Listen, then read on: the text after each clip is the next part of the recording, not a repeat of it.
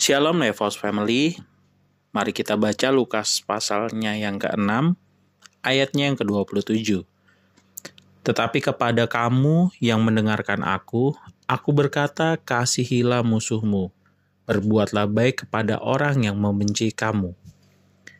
Di saat kita membaca ayat ini, terkesan sederhana ya Bapak Ibu. Kasihilah musuhmu. Dan kebetulan kita sebagai orang Kristen merupakan orang-orang yang dipandang oleh dunia sebagai sebuah agama yang menerapkan hukum kasih, di mana kita dikenal sebagai orang-orang yang memiliki kasih yang jauh lebih banyak daripada kebanyakan orang. Itu stigma yang terbangun. Jadi di saat berbicara kekristenan sama dengan kasih.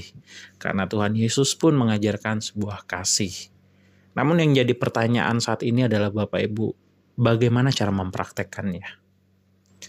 Terkadang di saat kita berada dalam suatu komunitas atau dalam sebuah persekutuan, khususnya di saat kita menjalankan sebuah ibadah, kita nggak usah jauh-jauh, kita ambil saja ibadah hari Minggu. Di saat kita beribadah, kita menaikkan penyembahan kita, puji-pujian kita, di saat kita berdoa, mendengarkan firman Tuhan, bahkan setelah ibadah selesai, kita memiliki hati yang sangat damai dan penuh dengan sukacita, di mana di saat dalam kondisi seperti itu kita akan sangat gampang menerapkan hukum kasih itu. Tapi pertanyaan yang menggelitik di saat uh, saya merenungkan firman Tuhan ini, pertanyaannya seberapa lama itu akan bertahan? Dan hal ini menjadi sebuah tantangan bagi saya pribadi Apakah saya mampu menerapkan kasih tersebut di dalam kehidupan sehari-hari saya? Tidak hanya dalam peribadatan saja. Mungkin dalam peribadatan kita akan dengan sangat gampang memberikan senyuman terbaik kita, senyuman terindah kita kepada orang lain. Namun, apakah itu akan bertahan hingga keesokan harinya?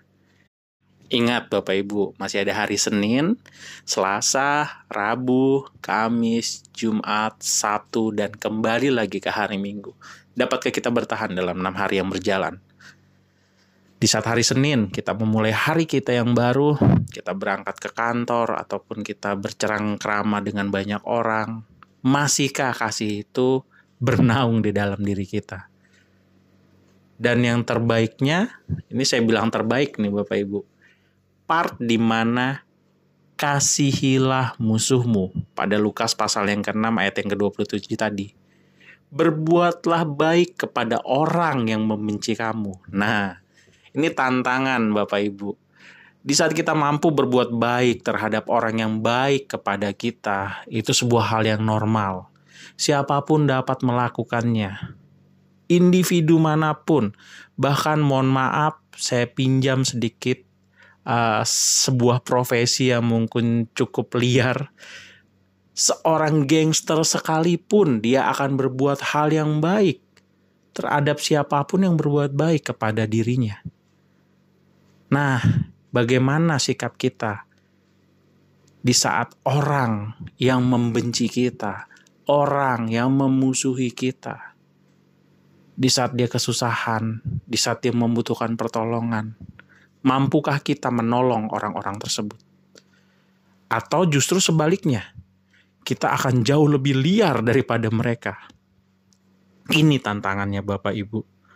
Di saat kita melakukan sebuah kebaikan terhadap orang yang sudah baik dengan kita itu adalah hal yang umum. Berkacalah dari ke kehidupan Tuhan Yesus. Di saat Tuhan Yesus dituduhkan dengan hal yang tidak ia lakukan, di saat Tuhan Yesus dijerumuskan ke dalam banyak hal yang tidak bertanggung jawab, Tuhan tidak membalas.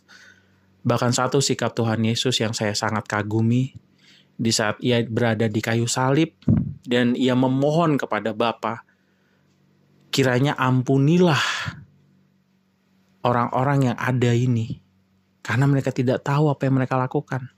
Bayangkan, apakah kita mampu di posisi seperti itu?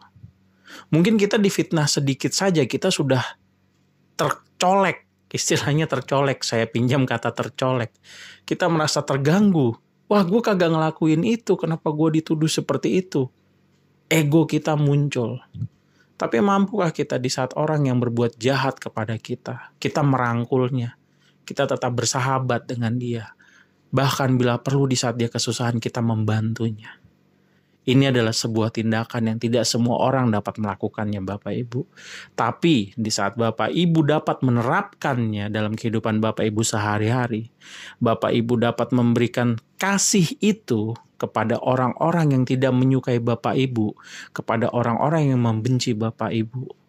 Maka di situlah kemenangan Bapak Ibu, saudara-saudari sekalian dalam memikul salib yang sedang Bapak Ibu tanggung di saat kita mampu mengasihi orang yang membenci kita, di situ kita sedang menjadi teladan bagi orang tersebut. Mengapa?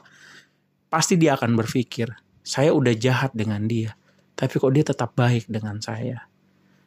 Nah, di fase ini, biarlah Tuhan yang bekerja melalui roh kudus. Di saat orang itu tersentuh oleh roh kudus, maka kehidupannya pun tidak menutup kemungkinan akan Tuhan ubahkan kehidupan kita akan menjadi cerminan bagi orang lain. Saat kita bersikap kepada mereka, di saat kita dijahati tapi kita tidak membalasnya dengan kejahatan, maka itu akan menjadi sebuah teladan yang bisa saja mengubah orang lain.